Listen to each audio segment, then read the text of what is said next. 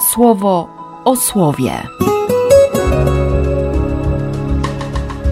Rozważania księdza Grzegorza Mączki.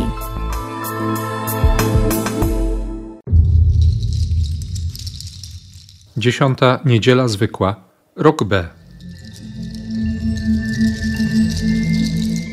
Z Księgi Rodzaju. Pan Bóg zawołał na Adama, pytając: Adamie, gdzie jesteś? Psalmu 130. U Pana bowiem znaleźć można miłosierdzie i pełne wykupienie. Z drugiego listu świętego Pawła do Koryntian. My nie patrzymy na to, co teraz widzialne, lecz na niewidzialne. Co bowiem teraz widzialne, chwilowe, a co niewidzialne, wieczne. Z Ewangelii według świętego Marka. Przyszła jego matka i jego bracia i zatrzymawszy się na zewnątrz, posłali do niego, aby go przywołać. Siostry i bracia, przed nami kolejna niedziela, kolejna liturgia słowa, kolejna szansa, by odkryć trochę z tajemnicy Boga, tajemnicy Jego miłości. I właściwie od tego rozpoczyna się słowo dane nam dzisiaj w Kościele. Trzeci rozdział Księgi Rodzaju to doskonale znany nam wszystkim tekst o tym, że, że najbardziej przebiegłe ze wszystkich dzikich zwierząt stworzenie, wąż, wchodzi w dialog z człowiekiem. Rozpoczyna od dialogu z kobietą, miesza jej w głowie, prowokuje do tego, by, by spojrzeć na raj z nieufnością, by w tych idealnych rajskich warunkach znaleźć tę przysłowiową łyżkę dziegciu. I nie jest to zbyt trudne.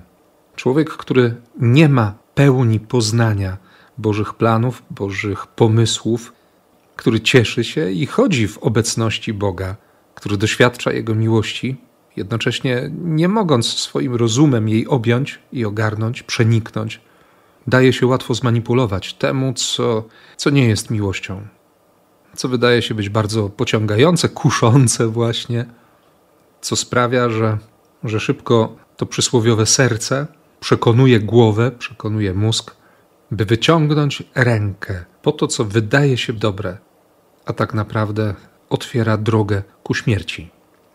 W tym wszystkim oczywiście pomaga tłumaczenie czy usprawiedliwianie zaproponowane przez demona. Żadną tam śmiercią nie możecie umrzeć. Jeszcze do tego wzbudzenie nieufności. Bóg bowiem dobrze wie, że tego dnia, którego zjecie z tego drzewa, otworzą się wasze oczy i będziecie bogami, którzy rozpoznają dobro i zło. My, co prawda, tych pierwszych ośmiu wersetów trzeciego rozdziału Księgi Rodzaju dzisiaj nie usłyszymy w liturgii.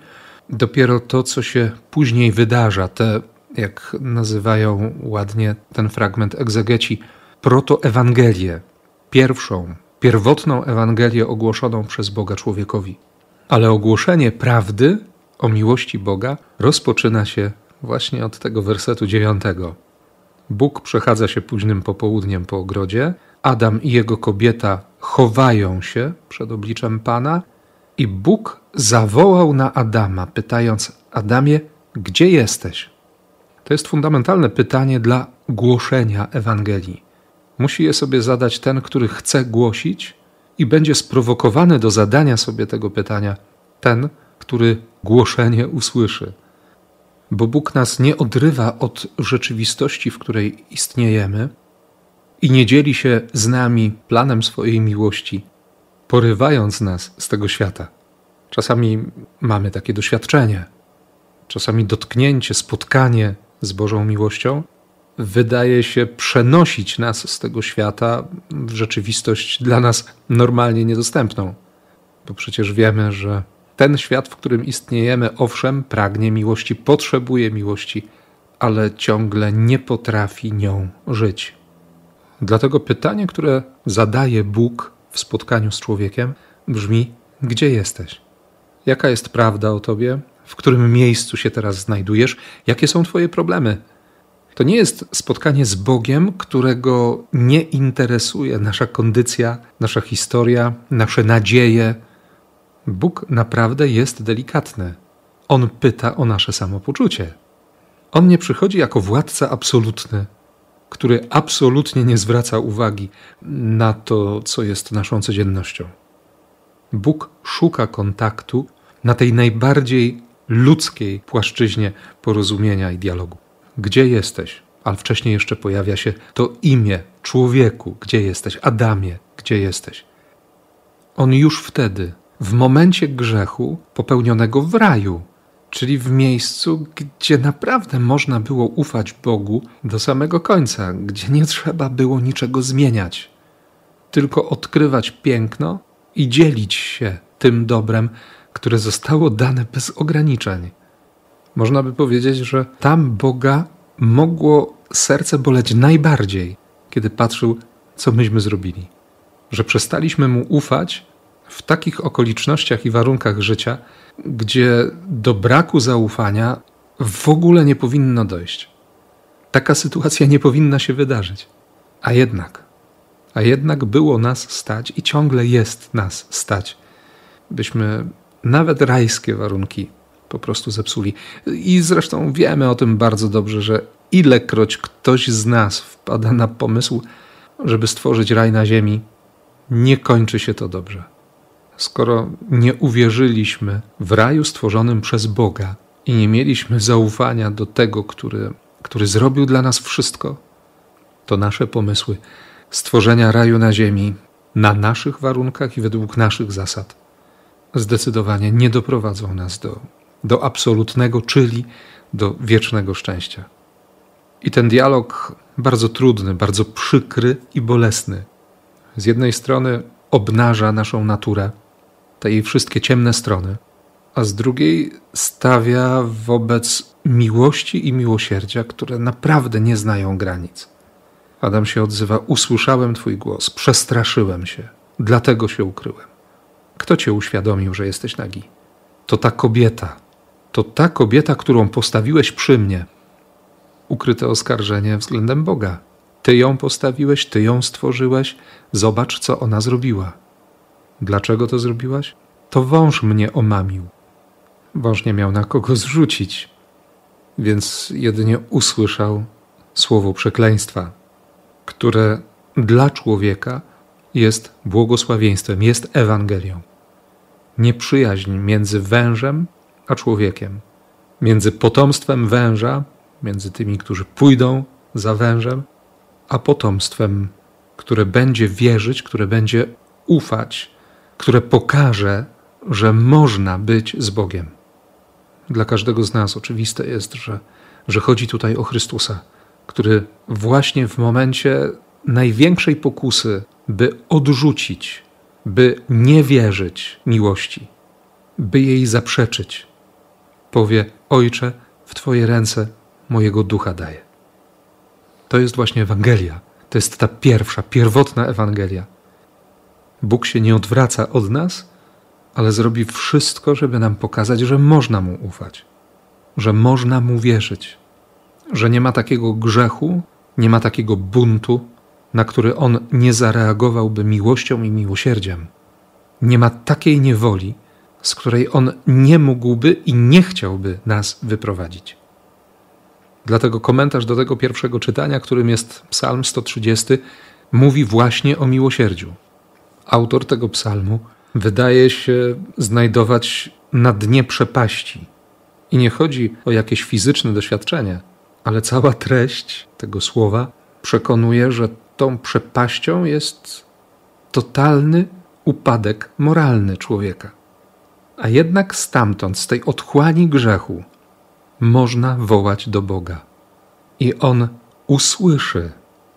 Bo jeśli będziesz uważnie patrzył na nieprawości, któż o Panie się ostoi? Przecież przy Tobie jest przebaczenie. U Pana znaleźć można miłosierdzie i pełne wykupienie. Bogu naprawdę nie zależy na naszej śmierci, ale na tym, abyśmy żyli. I to słowo, to przekonanie będzie się pojawiać w wielu miejscach Biblii. Ta prawda będzie do nas docierać na rozmaite sposoby, bo jesteśmy stworzeni na obraz i podobieństwo Boga. Z miłości i dla miłości. I nawet jeśli naszą wolność wykorzystamy przeciwko Niemu, przeciwko miłości, jeśli damy się sprowokować demonowi, to Bóg nie przestanie kochać i nie przestanie szukać sposobów, by nas z tej niewoli diabelskiej wyrwać. I nie chodzi tutaj tylko o fakt, że przychodzi Chrystus, że podejmuje mękę, że umiera na krzyżu i że zmartwychwstaje dla naszego odkupienia. To jest oczywiste i ostateczne słowo Boga, słowo miłości. Ale nie możemy traktować tego wydarzenia jako czegoś, co się kiedyś dokonało i dzieli nas od niego tyle lat, że, że nie wiadomo, czy on jeszcze o tym pamięta, czy, czy mu się coś nie zmieniło w sercu, czy nie zaczął myśleć inaczej, czy się nie znudził przebaczaniem, czy nie skończyła mu się cierpliwość, bo naprawdę przeciągnęliśmy strunę poza wszelkie możliwe granice. Liturgia, w której będziemy uczestniczyć, słowo, które do nas przychodzi, jest szansą na to, by, by znaleźć się w centrum wydarzeń. Każda Eucharystia to jakby zakrzywienie czasoprzestrzeni. Na moment naprawdę znajdujemy się w wieczerniku, znajdujemy się pod krzyżem i znajdujemy się w pustym grobie. On to robi dla nas. I słowo, że u Pana można znaleźć miłosierdzie i pełne wykupienie, jest słowem dla nas. Na dzisiaj, na teraz. To dziś i teraz są niezwykle ważne w języku Boga.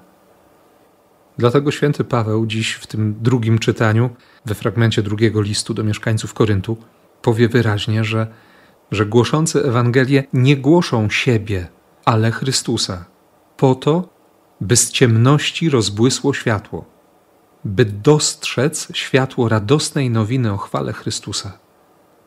I jednocześnie apostoł narodów ma świadomość, o tym przeczytamy w czwartym rozdziale drugiego listu do Koryntian w siódmym wersecie, że ten skarb Ewangelii, najważniejsze słowa o miłości Boga, mamy w glinianych naczyniach, aby cały ogrom mocy okazywał się mocą Boga, a nie mocą z nas.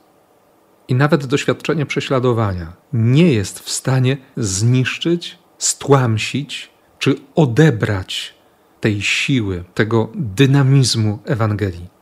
Zewsząd doznajemy ucisku, lecz nie jesteśmy zgnieceni zakłopotani, lecz nie bez wyjścia, doganiani, lecz nie pozostawiani w tyle, obalani, lecz nie przegrani. Stale nosimy w ciele konanie Jezusa, aby w tym ciele objawiło się także życie Jezusa. A ponieważ mamy tego samego ducha wiary, ten tekst już dotrze do naszych uszu w czasie liturgii, również my wierzymy i dlatego dalej przemawiamy wiedząc, że ten, który wskrzesił Pana Jezusa, wskrzesi i nas razem z Jezusem i umieści z Wami. Dlatego nie zniechęcamy się. To trochę naszej chwilowej udręki przygotowuje nam w coraz większym nadmiarze wieczny ogrom chwały. Bo to, co teraz widzialne, jest chwilowe, a co niewidzialne, jest wieczne. Nadzieja nieba, nadzieja miłości, które, która nigdy się nie kończy. Jedyna miłość, która nie zawodzi, która nie rozczaruje. Paweł przekonuje się o tym na każdym kroku. Nie mając wcale łatwego życia jako apostoł, jako herold Ewangelii, ale wie, bo wierzy Chrystusowi, że niebo naprawdę jest na wyciągnięcie ręki. I tą wiarą żyje Kościół, i tą wiarą z nami Kościół chce się dzielić. I to my jesteśmy w Kościele powołani i posłani do tego, by wierzyć, by usłyszeć dobrą nowinę o zwycięstwie Boga, o zwycięstwie miłości. Szczególnie wtedy, kiedy może się wydawać, że, że miłość przegrała, że ten świat pochłonął, pochłonął miłość, która, która do niego nie pasuje, która nie może się dostosować do jego reguł i która nigdy nie będzie szukać usprawiedliwienia w grzechu, ale będzie usprawiedliwiać grzeszników. Jestem pewien, siostry i bracia, że, że bardzo często trudno nam to przyjąć. Wiem po prostu, że mnie to od czasu do czasu kompletnie nie mieści się w głowie i zdaję sobie sprawę z tego, że aż tak bardzo od siebie się nie różnimy. Więc w pewien sposób rozumiem nawet tych bliskich Jezusa, o których czytamy dzisiaj w Ewangelii. Trzeci rozdział redakcji świętego Marka, od 20 wersetu aż do końca tego rozdziału. Jezus jest w takim, można by powiedzieć, ciągu ewangelizacyjnym. Niektórzy powiedzieliby, że, że jest na fali kolejnych sukcesów. Najpierw uzdrowienie człowieka z odrętwiałą, z niewładną ręką, i to uzdrowienie w szabat i w synagodze. Potem eskalacja łaski i cudów. Tłum, który się tłoczy, ciśnie się na Jezusa, bo, bo tak wielu uzdrowił, że różni cierpiący bóle, przeczytamy o tym w dziesiątym wersecie trzeciego rozdziału Ewangelii Marka, rzucali się na Niego, aby się Go dotknąć. Nawet nieczyste duchy, gdy Go zauważyły, padały przed Nim i z wrzaskiem wołały, Ty jesteś Synem Boga. Potem Jezus wszedł na górę i przywołał tych, których sam sobie wybrał. Oni do niego poszli. Ustanowił dwunastu. I przychodzi do domu, prawdopodobnie do domu e, Szymona i Andrzeja, do Kafarnaum. I znów zbiera się tam tłum. Święty Marek przytomnie zaznaczy, że, że oni nawet trochę chleba zjeść nie mogli, bo nie mieli na to czasu. I nagle przeczytamy, że kiedy bliscy Jezusa dowiedzieli się, przyszli, aby go zatrzymać. I święty Marek tutaj używa takiego słowa, które można by też przetłumaczyć zabrać go siłą albo nawet aresztować. Mówiono bowiem, że odszedł od zmysłów. W międzyczasie pojawiają się uczeni w piśmie wysłani z Jeruzalem, którzy mają wydać opinię teologiczną o Jezusie i dochodzą dość szybko do wniosku, że, że on po prostu jest opętany. Demony usuwa za sprawą przywódcy demonów, Belzebuba. Jezus próbuje to wyjaśnić, pokazując absurd tej diagnozy albo tego wyroku, dodając jeszcze słowo o grzechu przeciwko Duchowi Świętemu, o bluźnierstwie przeciwko Duchowi Świętemu. Bo rzeczywiście nie ma żadnego logicznego uzasadnienia, by Bogu przypisywać zło, by Boga oskarżać o demoniczną działalność. Boga, o którym potem święty Piotr będzie mówił tuż po zesłaniu Ducha Świętego, Boga, który przeszedł przez życie dobrze czyniąc, uzdrawiając wszystkich, którzy byli pod władzą diabła, okazywał dobroć i miłosierdzie. Dlatego Jezus mówi o niemożliwości odpuszczenia takiego grzechu, bo bo kiedy człowiek odrzuca Boga i odrzuca Jego zbawienie, Jego pomysł na drogę do zbawienia, to pozostaje z pustymi rękami, pozostaje w pustce. Skoro nie chce przyjąć miłości i nie chce być kochanym przez Boga na Jego warunkach, to znaczy w całej pełni, której mogę nie rozumieć i nie będę rozumiał, to co mi zostaje? I to widać mocno w kolejnych wersetach. Przychodzi Miriam, matka Jezusa, przychodzą jego krewni, całe kuzynostwo i chcą Jezusa wyciągnąć z tego domu, żeby już nie był w centrum. Marek zaznaczy, że przy nim siedziała wielka gromada. I odpowiedzią Jezusa na zachowanie jego najbliższych jest spojrzenie posiedzących wokół siebie i słowo: Oto moja matka i moi bracia. Kto spełni wolę Boga, ten będzie moim bratem i siostrą i matką. Jaka jest wola Boga? Niedawno zakończyliśmy w kościele okres wielkanocny. Wiemy, że wolą Ojca Niebieskiego jest zbawienie, jest nasze zbawienie. I to zbawienie dokonuje się według Jego pomysłu, na który my sami byśmy nie wpadli i na który, tak logicznie rzecz ujmując, trudno się zgodzić. Na szczęście Bóg po raz kolejny pokazał, że do szaleństwa zależy mu na naszym życiu i na naszym szczęściu. Myśmy zrobili najgorszą ze wszystkich możliwych rzeczy, bo ukrzyżowaliśmy Boga, a On pokazał wtedy: Kocham Was, chcę Was zbawić. Wy chcecie dla mnie śmierci, ja dla Was chcę życia. I to jest miłość. I za tę miłość dzisiaj Bogu dziękujmy. I wtedy, kiedy znajdujemy się w jakimś raju, i wtedy, kiedy wołamy z dna przepaści, i wtedy, kiedy mamy swój własny pomysł na Jezusa, i wtedy, kiedy całym sercem chcemy wierzyć Jego słowu i Jego pomysłom na nasze życie. Dziękujmy za miłość. Ona zbawia. Amen. Słowo o słowie.